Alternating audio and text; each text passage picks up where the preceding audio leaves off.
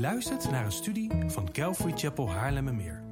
We bidden dat de Heer tot je zal spreken en je zult groeien in jouw persoonlijke relatie met de levende God. Bezoek voor meer informatie onze website calvarychapel.nl. Dat is C-A-L-V-A-R-Y-C-H-A-P-E-L.nl. Dank u wel, Heer Jezus, dat u Immanuel bent, God met ons. Dank u wel, Heer, dat dat in deze rare tijd, Heer, waarin er zoveel gebeurt, zoveel op ons afkomt, zoveel vragen gesteld worden, Heer, zoveel goede vragen, Heer. Maar dank u wel dat Jezus daarin de rots is, het rustpunt, het stabiele fundament waarop wij mogen bouwen. Dank u wel, Heer, voor de zegen van uw woord. Uw woord dat niet verandert, omdat het woord gelijk staat aan Jezus. Omdat Jezus het woord is. Dank u wel dat uw woord rust geeft. Dank u wel, heren, dat uw woord stabiel is, nooit veranderend. Dank u wel dat u altijd dezelfde bent in deze tijd. En heren, welke situatie wij ook zitten, heren, dat is zoveel reden om u te loven en om u te prijzen. Heren, want u bent goed. Heren, u bent trouw, u bent genadig en barmhartig. En Heer, het is mijn gebed dat u vanochtend een wonder zal doen. Heer, u kent de situatie waarin iedereen zit, Heer. U weet of mensen het moeilijk hebben of dat mensen het geweldig hebben. U weet of, of, of, er, of iemand misschien onverschillig is richting u. Of iemand u misschien zelfs nog niet kent. Heer, doe een wonder vandaag. Heer, een wonder in de harten van de mensen, Heer. Een wonder van geloof, een wonder van nieuw leven. Heer, een wonder van terugkeren bij u. Heer, we hebben het nodig dat u wonderen doet vandaag. Heer, want zonder u kunnen wij niet. Zonder uw leiding kunnen wij niet. Dus Heer, gebruik deze dienst alstublieft tot eer en glorie van uw naam. Laat het om niets en om niemand anders draaien dan om u. Heer, want u alleen bent God. Heer, u alleen bent goed. Heer, leid ons alstublieft vandaag. Heer, leid iedereen die kijkt, die het nog terug gaat kijken, Heer, om open te staan voor uw Heilige Geest. Klop op de harten, Heer, zodat, er, zodat de boodschap aan zou komen, zodat harten opengebroken worden, zodat harten geheeld worden en verzorgd worden waar nodig. Heer, doe een wonder vandaag in iedereen. Heer, niet omdat wij dat verdienen, Heer, maar uit genade. Omdat u zo goed bent, omdat u liefde bent. Heer, we loven u, we prijzen u, we zien uit naar wat u gaat doen. Heer, ik wil u danken voor iedereen die helpt om deze dienst mogelijk te maken, Heer. Voor André, voor Joram, voor, voor de muziek, voor, het, voor de aanbidding, Heer. Het is zoveel meer dan muziek. Heer, voor John en voor Jonas die de, die de techniek verder ondersteunen. Voor Martine en voor Stan die op de achtergrond zoveel doen en gedaan hebben. Heer, ehm, laat dit ook echt een zegen zijn voor hen, maar ook voor iedereen die kijkt en voor iedereen die in de toekomst nog gaat kijken, Heer, zolang u nog niet terugkomt. Dus Heer, Maranatha, kom snel terug, Heer, maar totdat u terugkomt, laat deze dienst een eeuwig effect hebben in de harten. Heer, dat, sorry, dat bidden en vragen we in Jezus' naam. Amen. Goedemorgen, welkom bij de livestream van Calvary Chapel Haarlemmermeer. Ik weet niet of qua techniek alles goed gaat. De techniek gaat goed, dus ik mag door. Dat is altijd fijn. Ehm, mijn naam is Casper de Haan, voor degenen van jullie die mij niet kennen. Ik ben de assistent-voorganger van deze prachtige gemeente.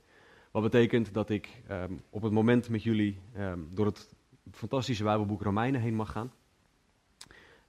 de komende twee weken nog, inclusief vandaag, zal Stan niet spreken. hij zal over, de, de, over twee weken, dus nog deze twee zondagen niet en daarna weer wel, zoals Sten uh, spreken. Um, maar we gaan dus voor nu door Romeinen heen. We zijn vorige week begonnen aan Romeinen hoofdstuk 1. En we hebben wel geteld vier versen gedaan. Vanaf vandaag gaan we verder en dan gaan we nog minder versen doen, want we gaan vers 5 tot en met 7 vandaag behandelen. Maar um, ja, ik denk wel dat het heel goed is om deze prachtige brief samen te behandelen. We hebben vorige week gekeken naar hoeveel impact deze brief heeft gehad heel kort door naar twee mensen, uh, een citaat van twee mensen te kijken, Maarten Luther en Calvijn. En voor hun heeft het een eeuwige impact gehad, deze brief. En het is mijn gebed dat deze brief dat ook voor jullie zal hebben. Ehm, we zullen hopelijk deel augustus weer open gaan, het liefst begin augustus. En met open gaan bedoel ik dat we dan weer terug mogen naar ons pand, of het pand dat we huren, aan de Sanderstein 42 in Nieuw-Vennep. Uh, daar hopen we um, zo snel mogelijk meer over te communiceren. Vergeef me alsjeblieft, ik had gezegd dat we dat afgelopen week zouden doen, maar door de drukte is dat er niet van gekomen. Maar we zullen daar binnenkort over communiceren, ook wat ons gezondheidsprotocol is, um, wat er vanuit het RIVM allemaal opgedragen wordt, et cetera, om ervoor te zorgen dat we ons netjes houden aan alle maatregelen die er nu zijn, om um, veilig samen te kunnen komen naar de, naar de wetten van, van het land ook. Um, en als laatste mededeling wil ik jullie vragen om te gaan bidden. Bidden voor hoe God jou wil, u wil gebruiken. En uh, deels binnen de kerk, maar ook buiten de kerk. We merken dat God onze bediening aan het vergroten is op manieren die we niet echt voor mogelijk hadden gehouden. Veel meer mensen nemen online contact met ons op. Blijf dat alsjeblieft ook doen. Als jij iemand bent, u iemand bent die kijkt en uh, vragen hebt of hulp nodig hebt, neem contact op. Dan kunnen we altijd kijken wat we kunnen doen voor u, voor jou. Maar we hebben ook mensen nodig die daadwerkelijk daarbij helpen om die hulp te bieden. Dus vraag God of Hij jou, u daarin wil gebruiken. We hebben mensen nodig die dienen op zondag. Ik heb net een aantal namen genoemd. Uh, we kunnen altijd nog meer handjes gebruiken. Niet hier in deze setting, want dan wordt het een beetje, een beetje te krap en te druk. Um, maar ga bidden wat God van jou, van u vraagt. Ook in het dienen. Want we hebben altijd genoeg dingen die er kunnen gebeuren. Specifiek ook op het gebied van de kinderbediening kunnen we altijd nog mensen gebruiken. Dus ga daarvoor bidden hoe God jou, u wil gebruiken om God te dienen in deze tijd. Ik kan nu niet echt aan iemand vragen of ik wat vergeten ben, dus aan mededelingen. Dus dan ga ik ervan uit dat dat niet zo is. Dus sla je Bijbel alsjeblieft open op het fantastische Bijbelboek Romeinen. Het zesde boek van het Nieuwe Testament. Het is een, uh, een brief die geschreven is door de apostel Paulus, waar we vorige keer aan begonnen zijn, vorige week. En we hebben gekeken naar de grote lijn, dus ik heb geprobeerd te schetsen dat, um, wat er in de verschillende hoofdstukken gebeurt, wat de onderwerpen zijn die Paulus aanhaalt. We hebben specifiek toen gekeken naar um, het onderwerp rechtvaardiging, dat dat door de hele brief heen terugkomt. We hebben gezien dat rechtvaardiging in elk hoofdstuk terugkomt. En in de introductie is Paulus al bezig met dat onderwerp. Hij begint namelijk deze brief eigenlijk al met daarnaar kijken. En Paulus die doet dat vanuit het perspectief, en dat is specifiek waar we vorige week naar gekeken hebben, eh, uitgebreider, dat Paulus als een slaaf of een doelos van God dient. Daarom was de vraag ook waar we naar gekeken hebben vorige week, wie dien jij? Dien jij God of dien jij iets of iemand anders? En we hebben gezien dat, dat Paulus God dient als een slaaf op basis van het evangelie en dat hij het evangelie dient door God te dienen. En hij heeft, gezien, hij heeft uitgelegd welk evangelie dat is. Dat beloofd is in de heilige schriften. En vanochtend gaan we dan kijken, oké, als we dan een doellos van God zijn, als wij dat evangelie gaan dienen, hoe dien je dan? Hoe dien je God? Want de manier waarop je dat doet, de basis waarmee je dat doet, is, is van belang. Laten we samen lezen Romeinen 1, vers 1 tot en met 7. We hebben de eerste vier versen al behandeld, maar voor de context is het goed om die mee te nemen. En dan gaan we 1 tot en met 7 lezen en dan gaan we het oppakken in vers 5. Dus laten we lezen. Paulus, een dienstknecht van Jezus Christus, een geroepen apostel, afgezonderd door het evangelie van God. Dat hij God tevoren beloofd had door zijn profeten in de heilige schriften ten aanzien van zijn zoon, die wat het vlees betreft geboren is uit het geslacht van David wat de geest van heiliging betreft, is hij met kracht bewezen te zijn de Zoon van God door zijn opstanding uit de doden, namelijk Jezus Christus onze Heer.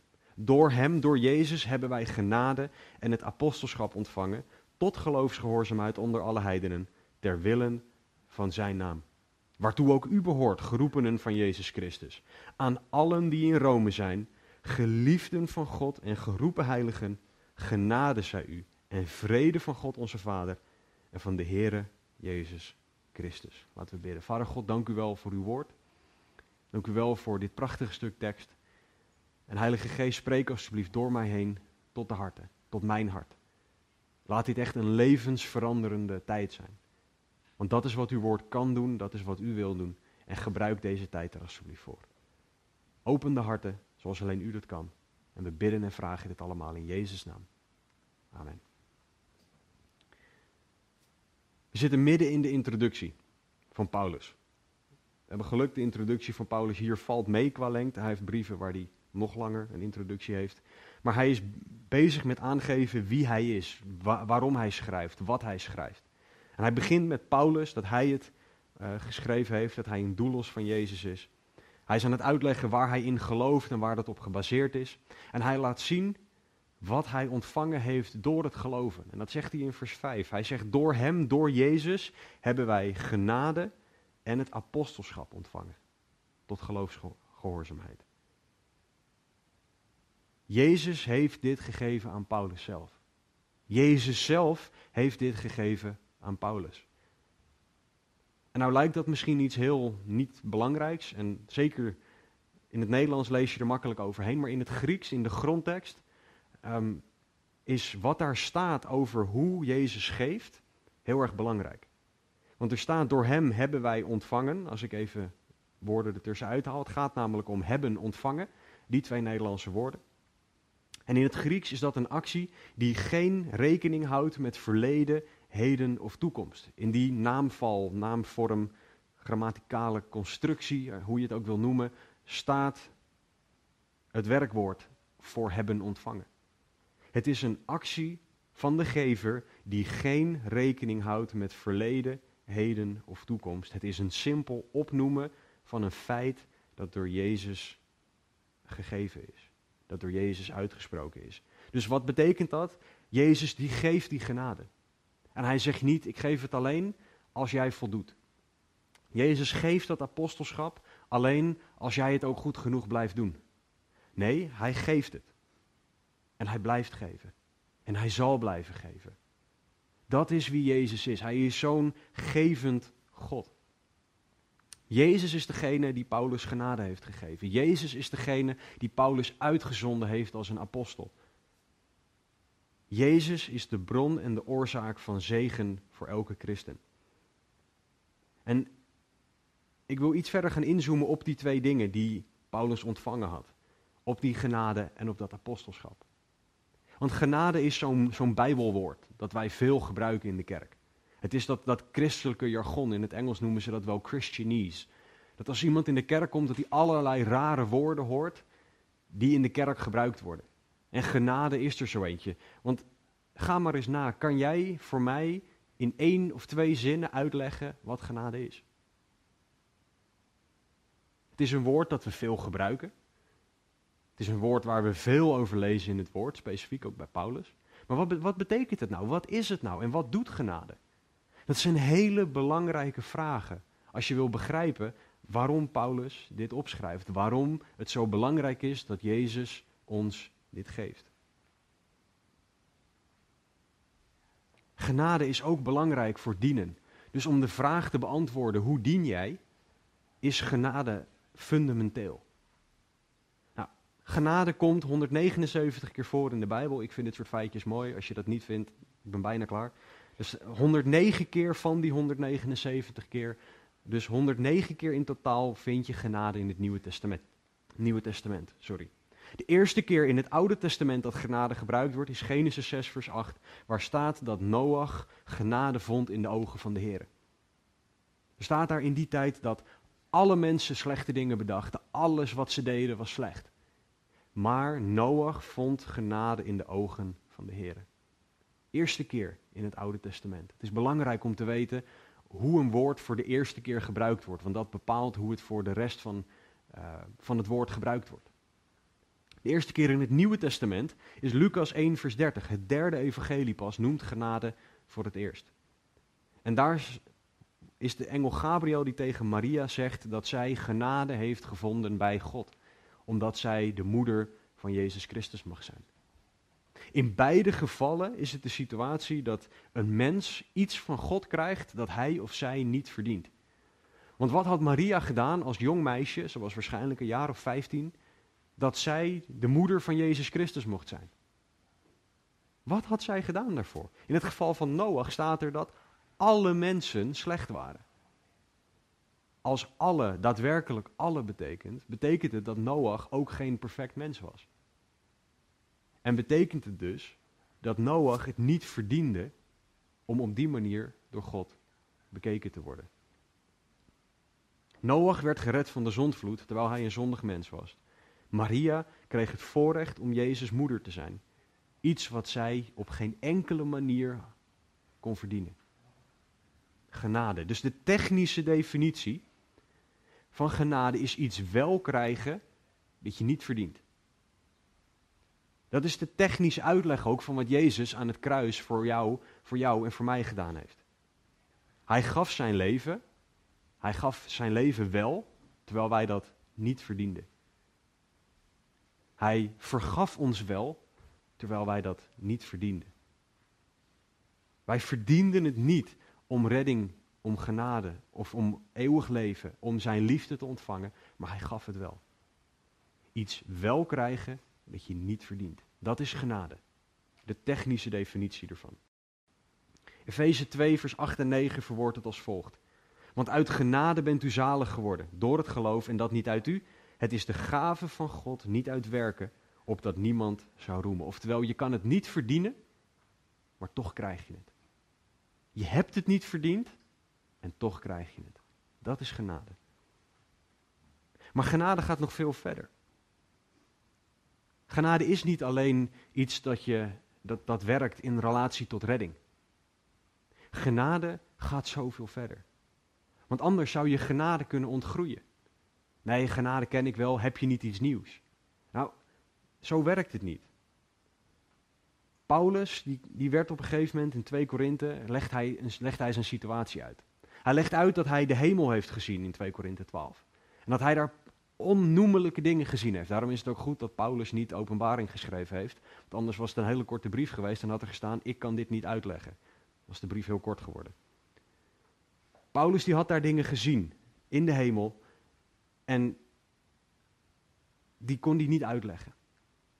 Hij kwam weer terug, waarschijnlijk had hij een soort visioen gehad. En hij werd met vuisten geslagen door een engel van de Satan, zegt 2 Korinthe 12, 7 om hem nederig en om hem klein te houden, om hem afhankelijk van God te houden. En hij vroeg God drie keer om dat weg te halen, wat het ook was. We weten niet precies wat het was. Sommigen denken dat het een fysiek iets was, anderen denken alleen iets geestelijks. We weten alleen dat het er staat, wat er precies gebeurde. En Paulus vroeg God, Heer, haal het bij me weg, haal het bij me weg, haal het bij me weg. En God gaf het volgende antwoord. In 2 Korinthe 12, vers 9. Mijn genade, zegt God, is voor u genoeg. Want mijn kracht wordt in zwakheid volbracht. Daarom zal ik veel liever roemen, zegt Paulus, in mijn zwakheid, opdat de kracht van Christus in mij komt wonen. God zegt tegen Paulus, mijn genade is voor u genoeg. Paulus was gered op dit moment. Dus genade gaat veel verder dan alleen redding. Genade is zoveel groter dan redding.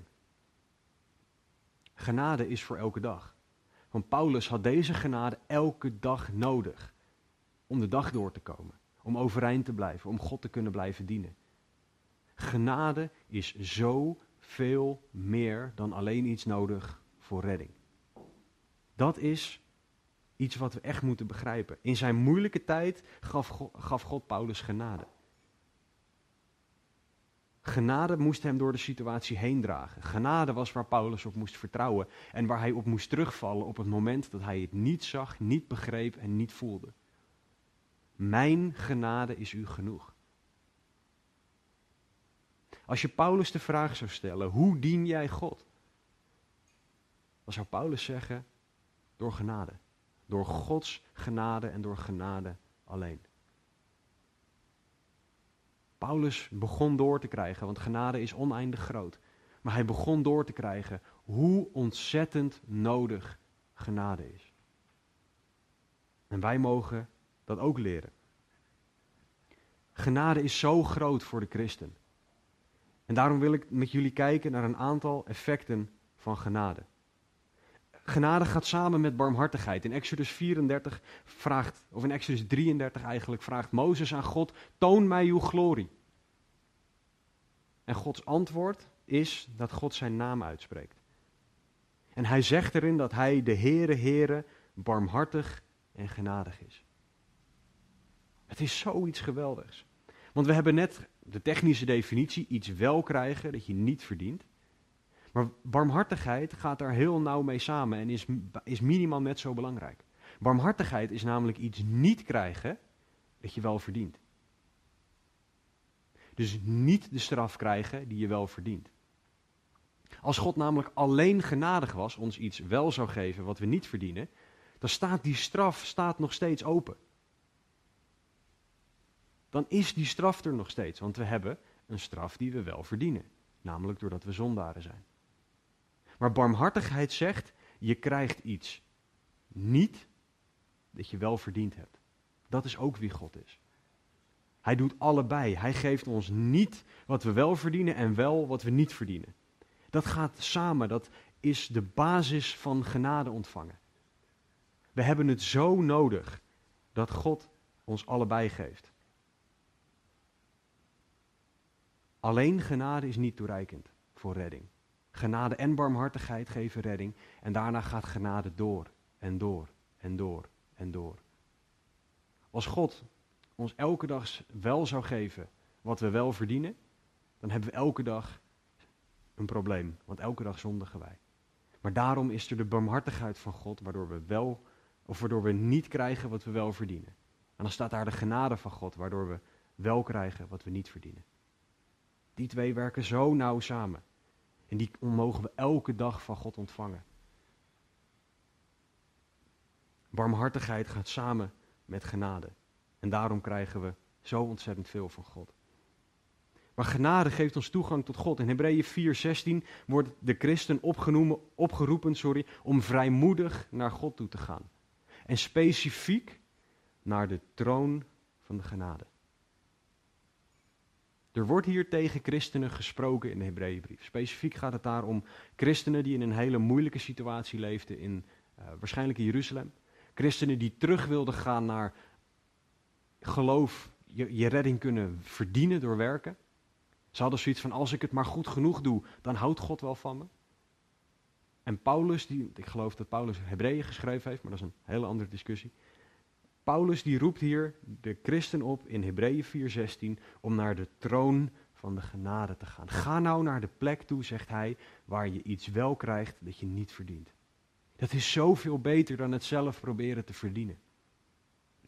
Dat is ook wat genade is. Vrij naar God toe kunnen gaan.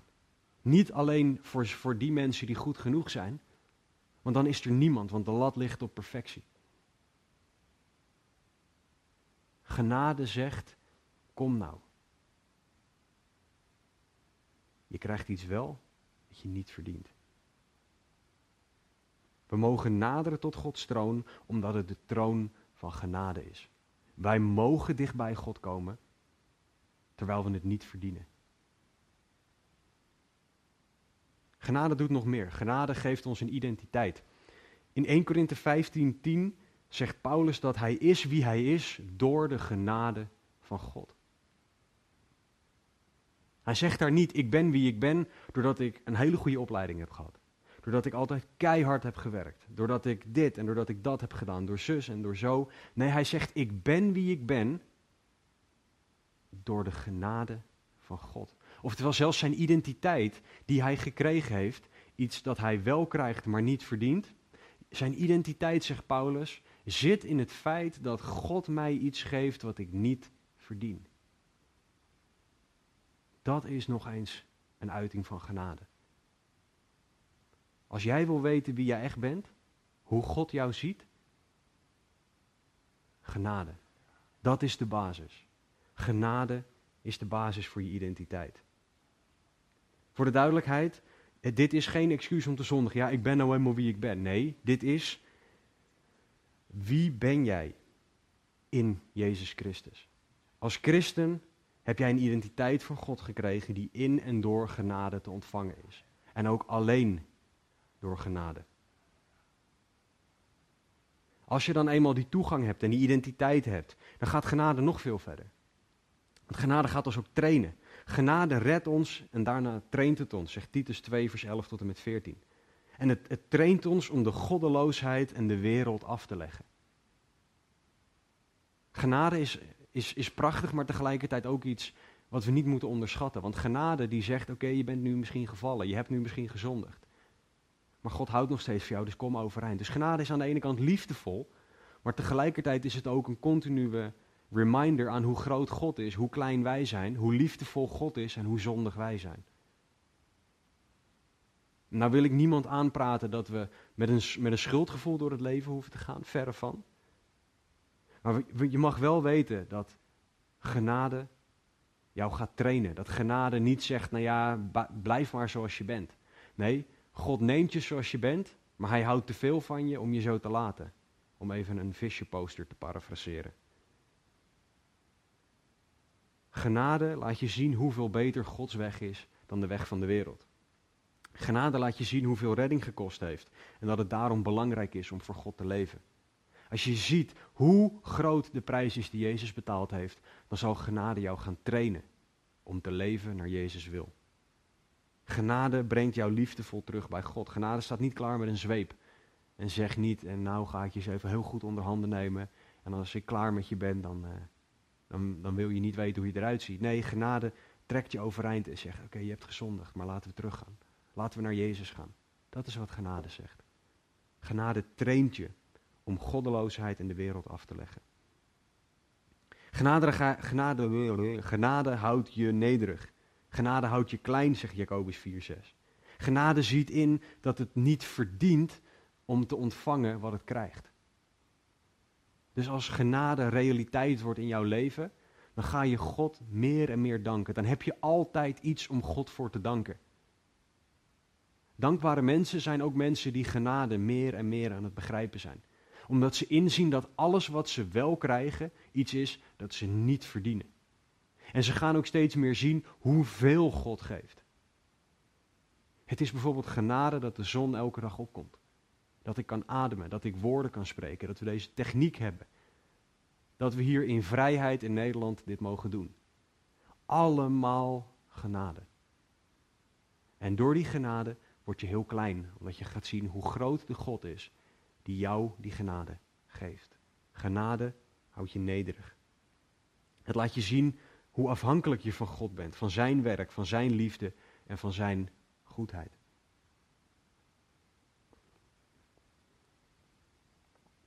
Genade laat je uiteindelijk Gods karakter zien. Psalm 103, vers 8 laten zien dat barmhartigheid en genade, die twee dingen waar ik deze lijst mee begon, dat dat onderdeel is van Gods karakter, zoals Exodus 34 ook uitlegt. Maar waar we dus mogen weten dat barmhartigheid en genade geweldig samengaan, mogen we ook weten dat we door genade überhaupt God mogen kennen. En dat we Gods karakter mogen leren kennen.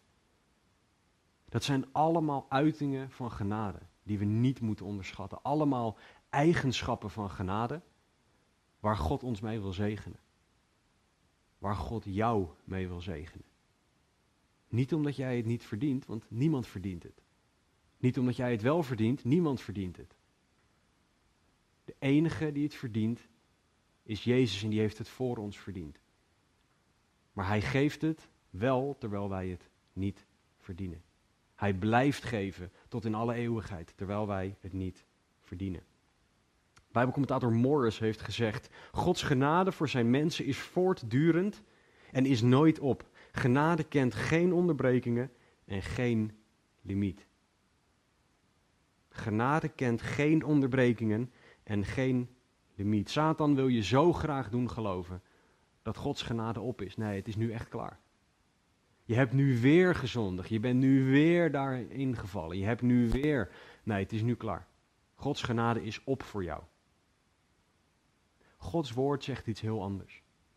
Hou je vast aan dat God in zijn woord zegt dat zijn genade gegeven wordt zonder naar verleden, heden of toekomst te kijken. Dus de, het antwoord op de vraag hoe dien jij, is dat het is op basis van genade. Alleen op basis van genade. Genade is zo groot, het is zo breed. Het kost een eeuwigheid en misschien wel langer om de hoogte, de breedte, de diepte, de lengte van die genade te leren kennen. We gaan nooit volledig snappen hoeveel God ons geeft. dat hij, en hoe groot het is dat hij iets wel geeft wat wij niet verdienen. En dit is wat wij vandaag de dag ook mogen ontvangen, die grote genade. nu zeg je misschien, ja maar ik voel die genade niet. Genade is ook niet per se iets wat je voelt, maar je mag God wel vragen om jou het te laten voelen. En u hebt niet omdat u niet vraagt, zegt Jacobus 4. Dus je mag God er ook om vragen.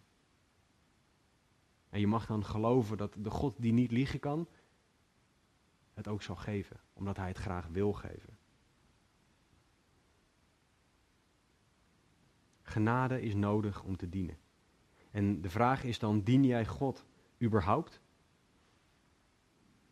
Dien jij God, maar dan op eigen kracht, of door of voor iets of iemand anders? Of dien jij God op basis van genade? Dat is namelijk het allereerste wat Paulus noemt dat we krijgen. Het tweede dat Paulus zegt is: Door hem hebben wij genade, vers 5, en het apostelschap ontvangen. En de volgorde is hier heel belangrijk. De volgorde van woorden in de Bijbel is heel erg belangrijk. Eerst genade en daarna pas apostelschap. Je kan niet God al gaan dienen als je niet eerst de reddende genade van God en daarna de trainende genade van God ontvangen hebt.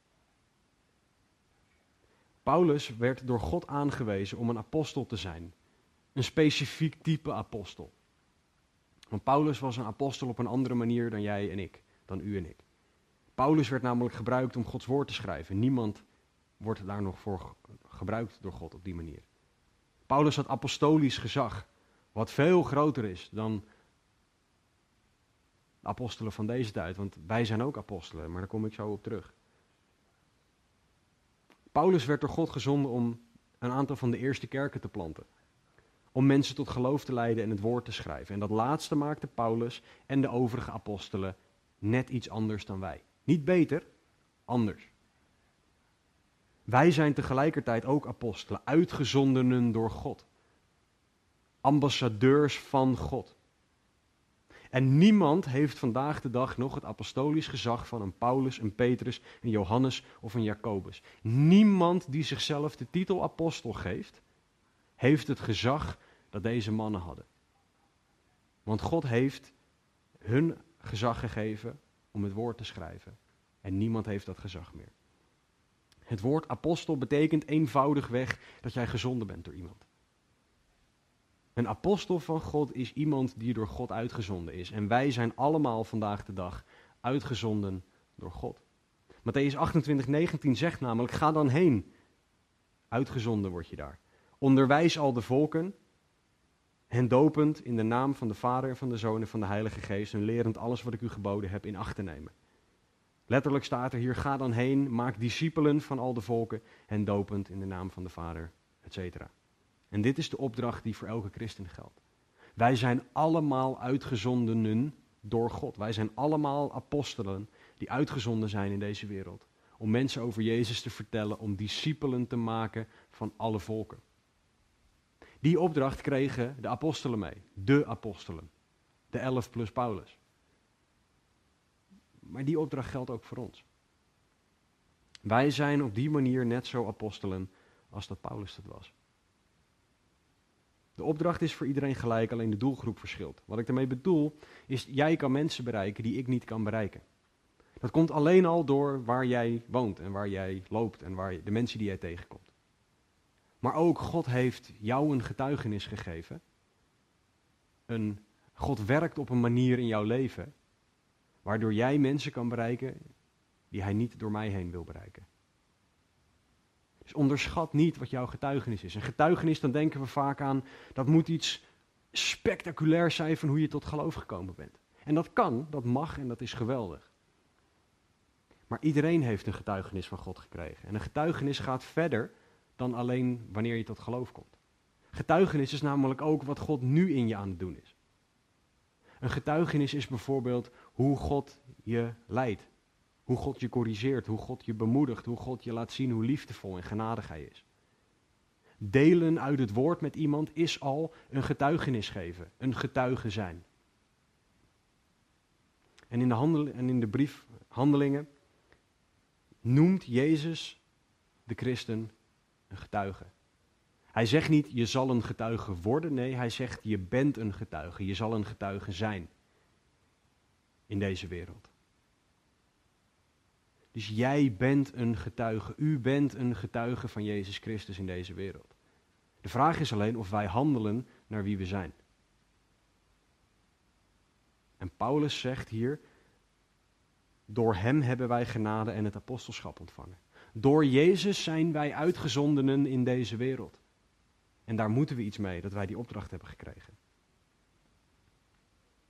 Paulus was in alles volledig gericht op het verspreiden van het evangelie. Hij vroeg zich elke dag af, hoe kan ik het evangelie vertellen aan mensen vandaag? Er is een oude bijbelleraar, ik ben, volgens mij was het, uh, was het D.L. Moody, die um, een, een afspraak met God had.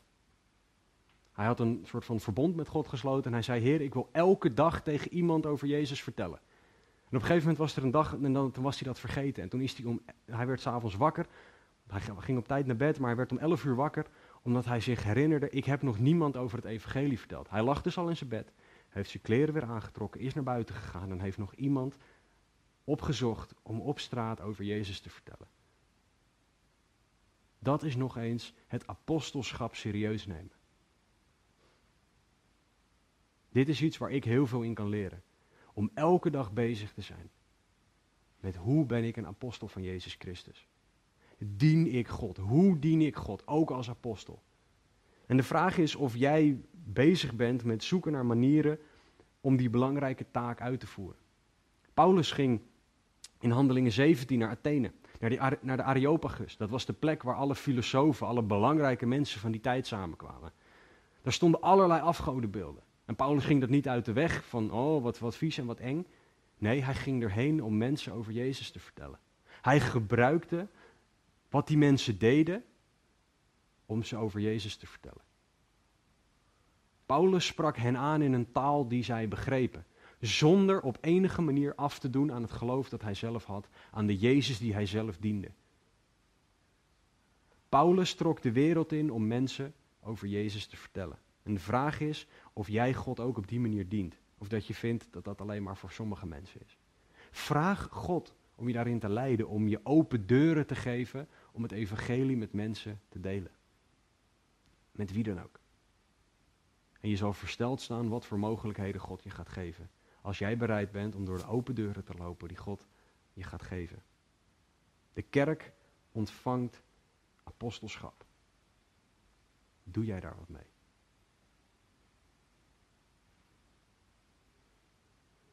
Paulus zegt in, in Romeinen 1, vers 5: Door hem, door Jezus, hebben wij genade en het apostelschap ontvangen. Om er niks mee te doen. Nee, tot geloofsgehoorzaamheid onder alle heidenen. Tot geloofsgehoorzaamheid, zegt Paulus. Letterlijk staat er daar, heb, deze dingen hebben wij ontvangen tot gehoorzaamheid aan het geloof of gehoorzaamheid en onderwerping aan het geloof. Want je kan weten dat iets je taak is en het toch niet uitvoeren.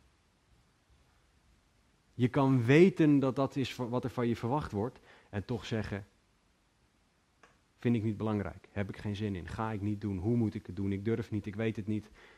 En dan doe je het maar niet. Paulus zegt dat wij dit, deze dingen gekregen hebben, genade en apostelschap, om te doen wat we geloven.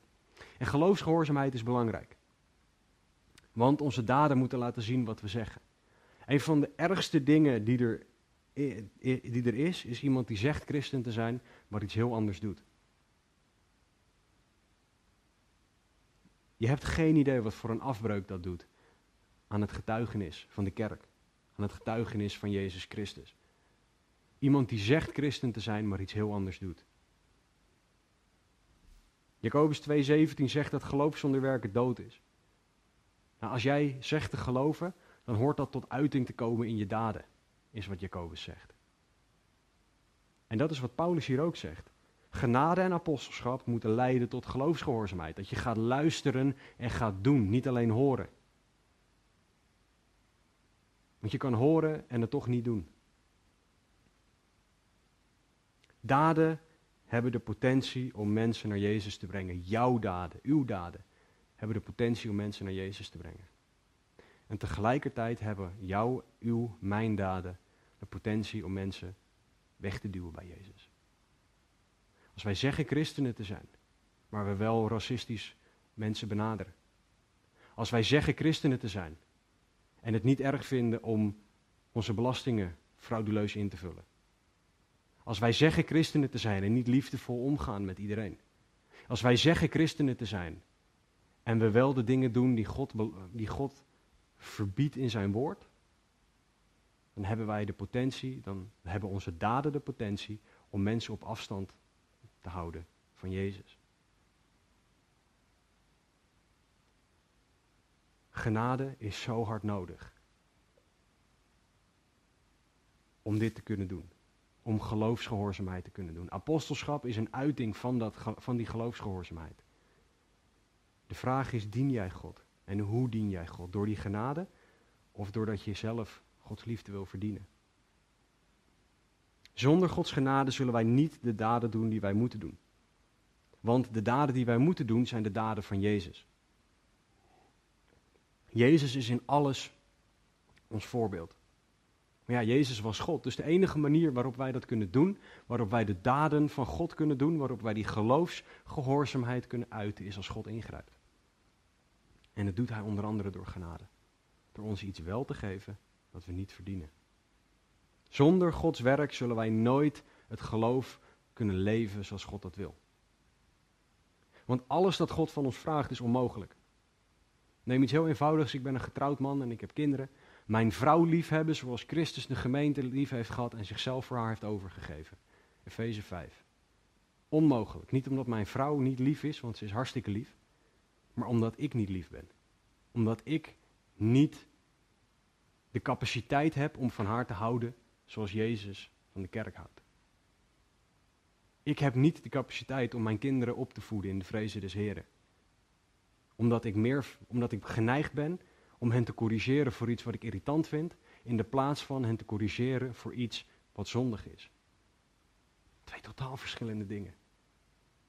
Maar geloofsgehoorzaamheid is dat ik mijn vrouw lief heb zoals Christus de gemeente, dat ik mijn kinderen opvoed in de vrezen des Heren. Met het enige doel om God groot te maken. En niet om mijn leven aangenamer te maken. Niet om mijn wil gedaan te krijgen. Want Jezus zei niet mijn wil, maar uw wil. Ik heb zo hard hierin God nodig. Onze goede daden moeten God behagen, 1 Thessalonicense 2. Ons hart moet oprecht zijn in de daden, Romeinen 12. En dit moeten we naar iedereen doen, niet alleen naar de mensen die we aardig vinden, maar zelfs ook naar de mensen die ons haten. Dit legt de lat zo ongelooflijk hoog. En daarom moet God ingrijpen. Onze daden moeten zijn zoals Jezus. Hij gaf zichzelf voor zijn vijanden, zegt Romeinen 5:8. Jezus had lief tot aan het einde, zegt Johannes 13:1. Dat is hoe geloofsgehoorzaamheid eruit ziet. Dat is het voorbeeld dat we moeten volgen, in woord en in daad. We moeten dienen in en door genade. En dat moet tot uiting komen in ons apostelschap. Naar de wereld toe. Onze daden moeten matchen met wat we geloven. En hoe weten we nou wat we geloven? Het staat hierin opgeschreven. In de Bijbel. Als wij dan willen weten wat we geloven, moeten we kijken in het woord van God. Want dat is ons fundament.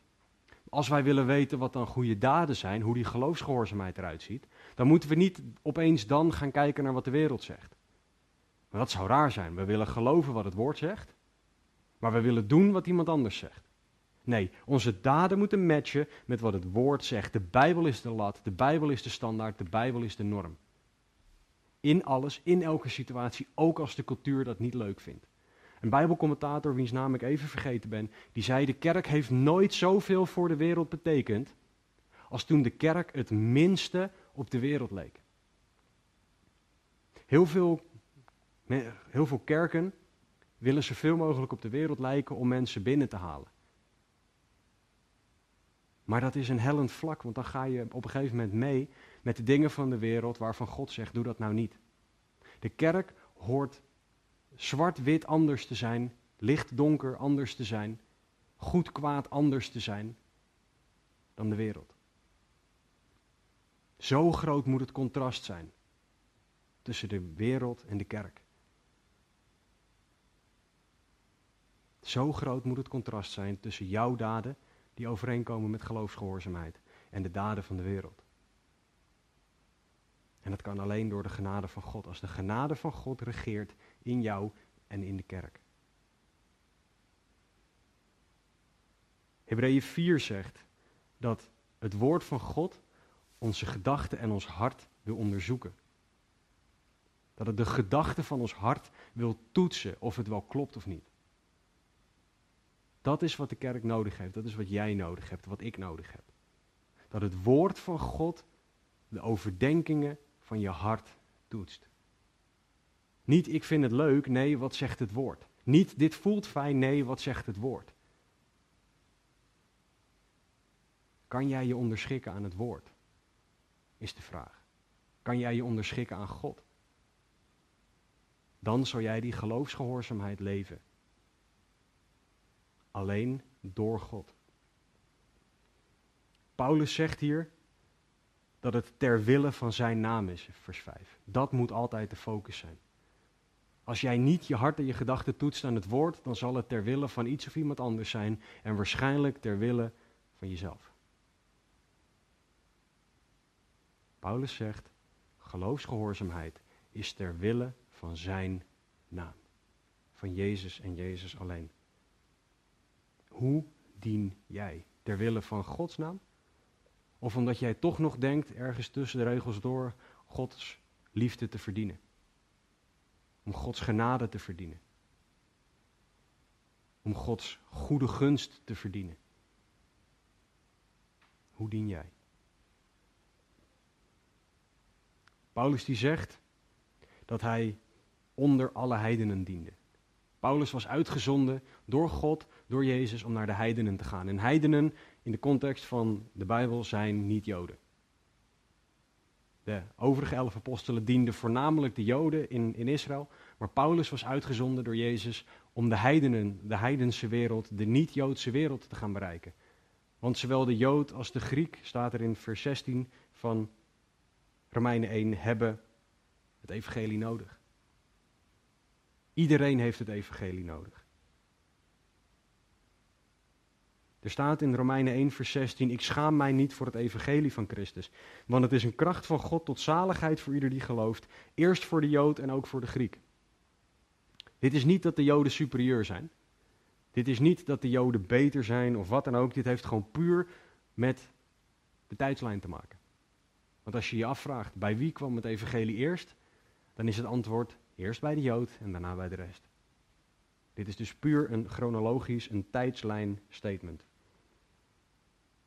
Jood en niet-Jood, Jood en heiden hebben Jezus even hard nodig, hebben het evangelie even hard nodig. Want iedereen is een zondaar die gered moet worden, ook jij, ook ik. Ongeacht je afkomst. Jood en niet-Jood zijn allebei geliefd door God. Jood en niet-Jood hebben allebei het evangelie nodig. Hebben allebei mensen nodig die luisteren naar het apostelschap, die in geloofsgehoorzaamheid op basis van genade, ter wille van zijn naam, het evangelie verkondigen. Dit is wat de wereld nodig heeft. Om te gaan naar de geroepenen, vers 6 van Jezus Christus. Paulus wist dat hij geroepenen van Jezus aan het dienen was. Dit zijn mensen, deze geroepenen, zijn mensen die over Jezus gehoord hebben, zijn boodschap gehoord hebben, Jezus liefde en Jezus offer aangenomen hebben. En zoals Handelingen 16:31 zegt, geloof in Jezus en u zult zalig worden. Deze geroepenen zijn mensen die Jezus roepstem gehoord hebben en erop gereageerd hebben met ja, ik wil. Dat zijn de geroepenen waar Paulus het over heeft. In vers 7 gaat Paulus verder over die geroepenen. Want hij gaat ons een aantal dingen vertellen die zeker in deze rare, bizarre tijden waarin we leven, die echt van fundamenteel belang zijn. Hij zegt aan allen die in Rome zijn, vers 7, geliefden van God en geroepen heiligen, genade zij u in vrede van God onze Vader en van de Heer Jezus Christus. Paulus wilde dat de kerk in Rome wist wie ze waren wat hun identiteit was, die, dat die gebaseerd was op genade. Zoals Paulus in 1 Korinthe 15 zei, ik ben wie ik ben door de genade van God. En we kunnen er zeker in deze tijd, waar identiteit niet vast lijkt te staan, kunnen we niet genoeg eraan herinnerd worden wie de Bijbel zegt dat we zijn. Wie de Bijbel zegt dat jij, dat u, dat ik ben. We kunnen niet genoeg herinnerd worden aan wat Gods woord over ons zegt. Omdat de wereld allerlei dingen schreeuwt over wie we zijn. Allerlei dingen zegt over wat we nodig hebben om een identiteit te hebben. Maar Gods woord dat eeuwig vaststaat, zegt het volgende. Geliefden van God en geroepen heiligen. Dat is zo belangrijk. Voor veel christenen is hun identiteit niet meer afhankelijk van wat God zegt, maar wat de wereld over hen zegt. Wat de wereld over hen denkt. Ben ik wel slank genoeg? Ben ik wel fit genoeg? Heb ik wel genoeg geld? Gaat mijn carrière snel genoeg? Ehm, moet ik, is het wel goed dat ik getrouwd ben, dat ik kinderen heb? Moet ik trouwen? Moet ik kinderen hebben? Ik heb geen auto, ik heb geen baan, ik heb geen huis of wat dan ook. Al die dingen kunnen jouw identiteit bepalen. Maar al die dingen falen. Terwijl Gods mening, Gods woord nooit zal falen. Wat God over jou zegt, staat vast tot in alle eeuwigheid. De kerk bestaat uit geliefden van God. Dit is een fantastisch statement. Letterlijk staat er hier dat de kerk bestaat uit mensen die geliefd zijn met agape liefde. Die geliefd zijn door God met een zichzelf opofferende liefde. Dat is de liefde die God voor jou heeft. Dat is wie jij bent als jij in Jezus Christus gelooft. Jij bent geliefd door God. God houdt onvoorwaardelijk van de christen. Een liefde die je krijgt ook wanneer je het niet verdient. Ook wanneer je voor de honderdduizend miljoen en derde keer onderuit gegaan bent in die ene zonde. Ook dan houdt God van jou. Paulus zegt hier dat je geliefd bent. Dat is een flink statement. En hij heeft het hier over alle christenen die in God geloven, zoals de Bijbel dat leert. Als jij op die manier in de Bijbel gelooft, als jij op die manier in God gelooft, als jij Jezus Christus als zoon van God ziet, dan ben jij geliefd door God. Dat is wat het woord zegt over jouw identiteit. Het maakt niet uit wat je gedaan hebt, wat je nu doet en wat je gaat doen. Tuurlijk, dit is geen vrijbrief om maar gewoon te zondigen. Maar wie jij ook bent, wat je ook gedaan hebt, God houdt van je. Wat je afkomst ook is, God houdt van je. Of mensen jou zien staan of niet. Of jij wel of niet allerlei vrienden hebt. Facebook vrienden, heel veel volgers op Twitter. Ik weet niet hoe dat op Instagram werkt, want ik heb geen social media. God houdt van je. En wat nog belangrijker is, of jij nou aanneemt of niet dat God van je houdt, God houdt van je. Zo groot is zijn liefde. En dat is niet omdat ik dat vind, dat is omdat het woord het zegt. Ik sta hier niet om mijn mening te verkondigen, ik sta hier om het woord van God met jullie te delen. Dit is zo belangrijk om aan te nemen. Dit is een bijbelse waarheid om te weten, te leren kennen en te onthouden. Want de vijand gaat je willen doen geloven dat je niet geliefd bent. Hij gaat tegen je zeggen, ja, nu is het echt te laat. Nu kan het niet meer. Hij gaat je in je oor fluisteren, God houdt echt niet meer van je. Het kan echt niet dat God nu nog van je houdt. En God die staat dan klaar om tegen je te zeggen, jij bent een geliefde van mij. Kom naar me toe. Dat is ook waarom het beeld van dat Jezus met gespreide armen stierf zo mooi is. Hij zegt niet deze mensen, nee, hij zegt iedereen die gelooft. Daar hou ik van. Iedereen die gelooft mag komen en is mijn geliefde. Zo groot is die liefde voor jou, voor u, voor mij. Een waarheid om aan vast te houden, een waarheid die niet weg zal vallen, een waarheid die niet kan en zal veranderen. Jij bent een geliefde van God als jij gelooft in Hem. En als de vijand jou aanvalt, wanneer de vijand jou hierop gaat aanvallen, spreek deze woorden uit. Ik ben een geliefde van God. Niet omdat ik dat vind, maar omdat het woord het zegt. Jezus die zei ook, er staat geschreven. Het was altijd een mooie bemoediging dat Jezus daar niet hoofdstuk en vers citeerde. of zelfs welk boek het stond.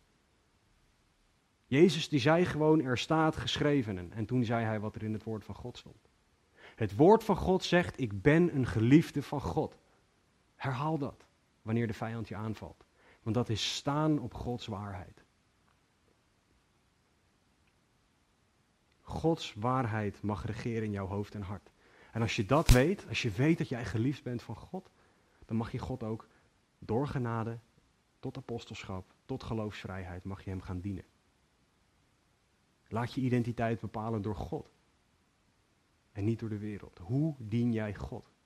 Als een geliefde of als iemand die probeert om het te verdienen? Paulus gaat verder. Hij zegt aan allen die in Rome zijn, geliefden van God, alsof dat niet genoeg is, zegt hij, en geroepen heiligen. Paulus wil dat de kerk doorheeft dat de geroepenen en de geliefden aangewezen heiligen zijn. Geroepen heiligen zijn.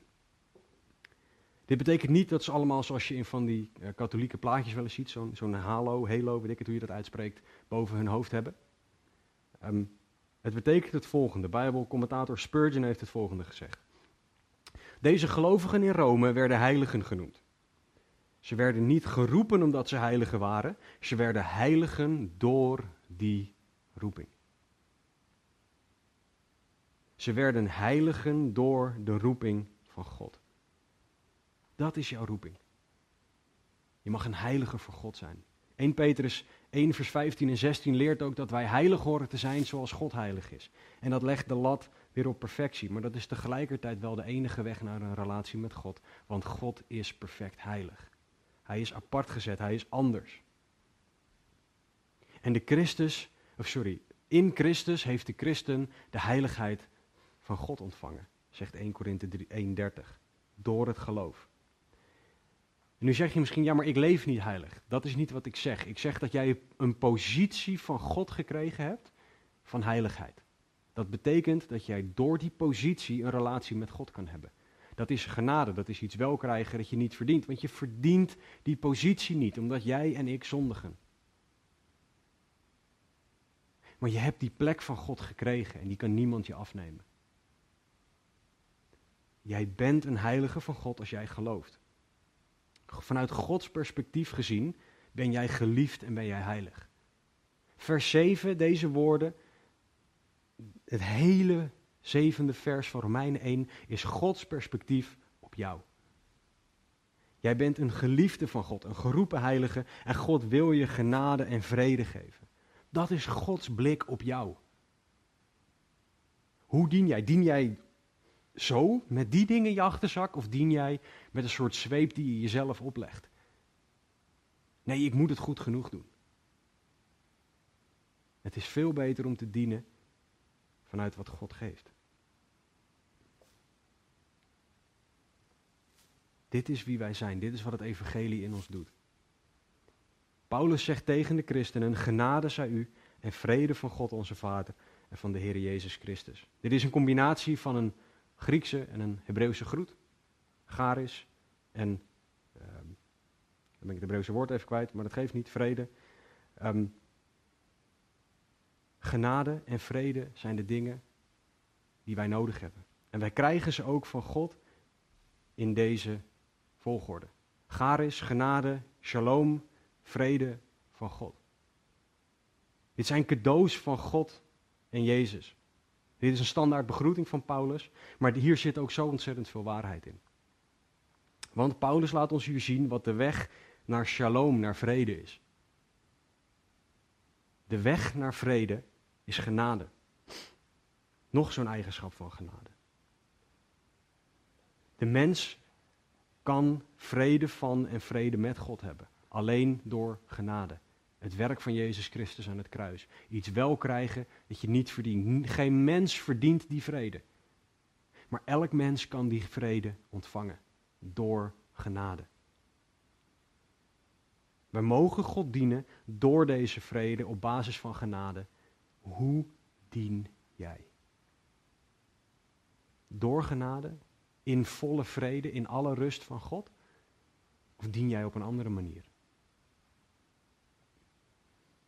Vrede van God, vrede met God. De christen heeft allebei nodig en ze zijn alleen te vinden in Jezus.